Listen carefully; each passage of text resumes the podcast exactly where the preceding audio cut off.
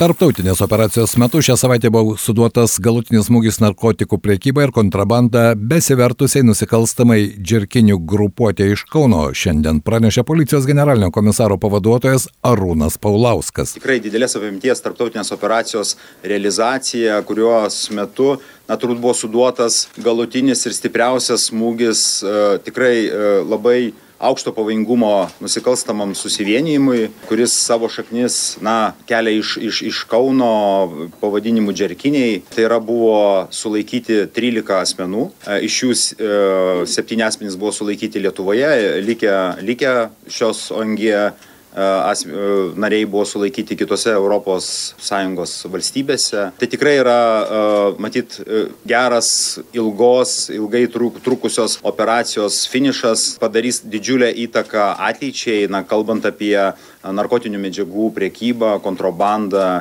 nes būtent šios organizuotos nusikalstamos grupuotės vienas pagrindinių tikslų buvo, tai yra vykdyti narkotinių medžiagų kontrabandą ES ir už ES žinoma ribų. Sakė policijos generalinio komisaro pavaduotojas Arūnas Paulauskas. Ši operacija būtų neįmanoma be labai glaudaus bendradarbiavimo Lietuvos policijos, kriminalinės policijos biuro, generalinės prokuratūros, dešimties valstybių teisės saugos institucijų, na ir žinoma glaudaus koordinavimo, kurį vykdė Europolas ir Eurojustas.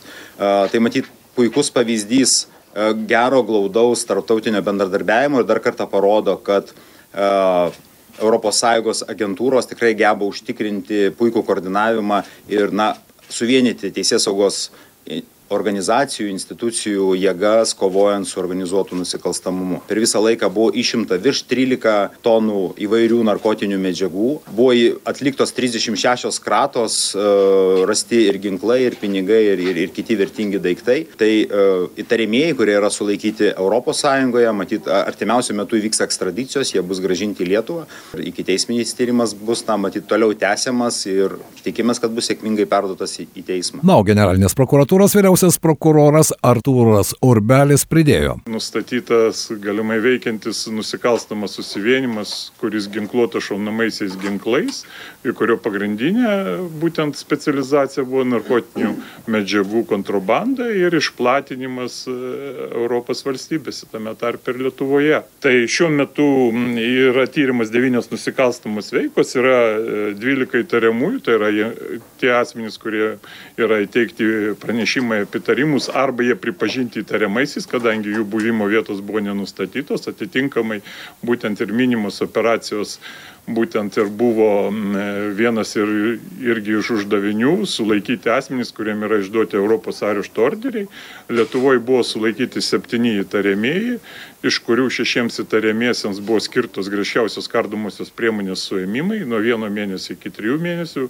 Vienam įtariamajam teismas skyrė nešioti apykoje. Pagrindinės nusikalstamos veikos kvalifikavimas, tai kaip ir minėjau, tai dalyvavimas susivienimo veikloje, vadovavimas jam ginkluoto. Įstatymas numato griežtą atsakomybę, tai yra atsakomybė nuo 10 lyderiams ir organizatoriams nuo 10 iki 20 metų ir taip pat e, baudžiama atsakomybė numato į laisvės atimimą iki gyvos galvos. Taip pat e, tyrimus e, kontrabandos E,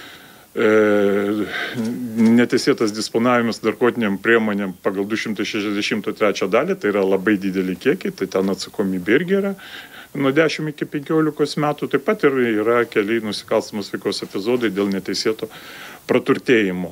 Tai nustatyta grupuotė pakankamai brandi, vidurkis amžius yra apie 45 metus. Galim pasidžiaugti, kad galimai užkardytas būtent tų visuomenė, ypač žalingų medžiagų gabenimas, bet jie gabeno tiek kanapių dervą, tiek kanapių produktus.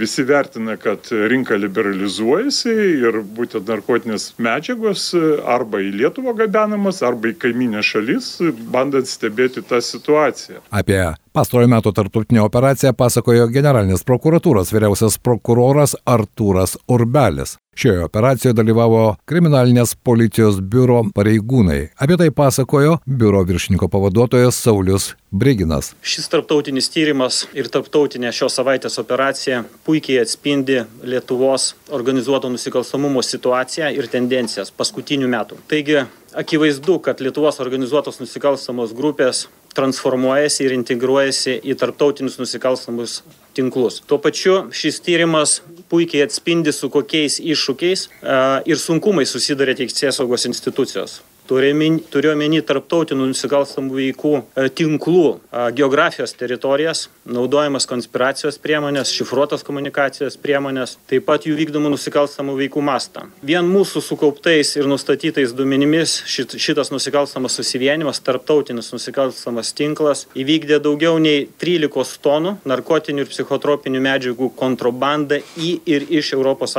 šalių. Pasak generalinio komisaro pavaduotojo, baigta ilgai trukusi operacija operacija turės didžiulę įtaką narkotinių medžiagų priekybai ir kontrabandai Europoje, nes šios nusikalstamos grupuotės viena pagrindinių veiklų buvo narkotinių medžiagų kontrabanda ES šalyse ir už jos ribų. Didmeninė šių narkotinių psichotropinių medžiagų kaina juodoje rinkoje siekia iki 40 milijonų eurų.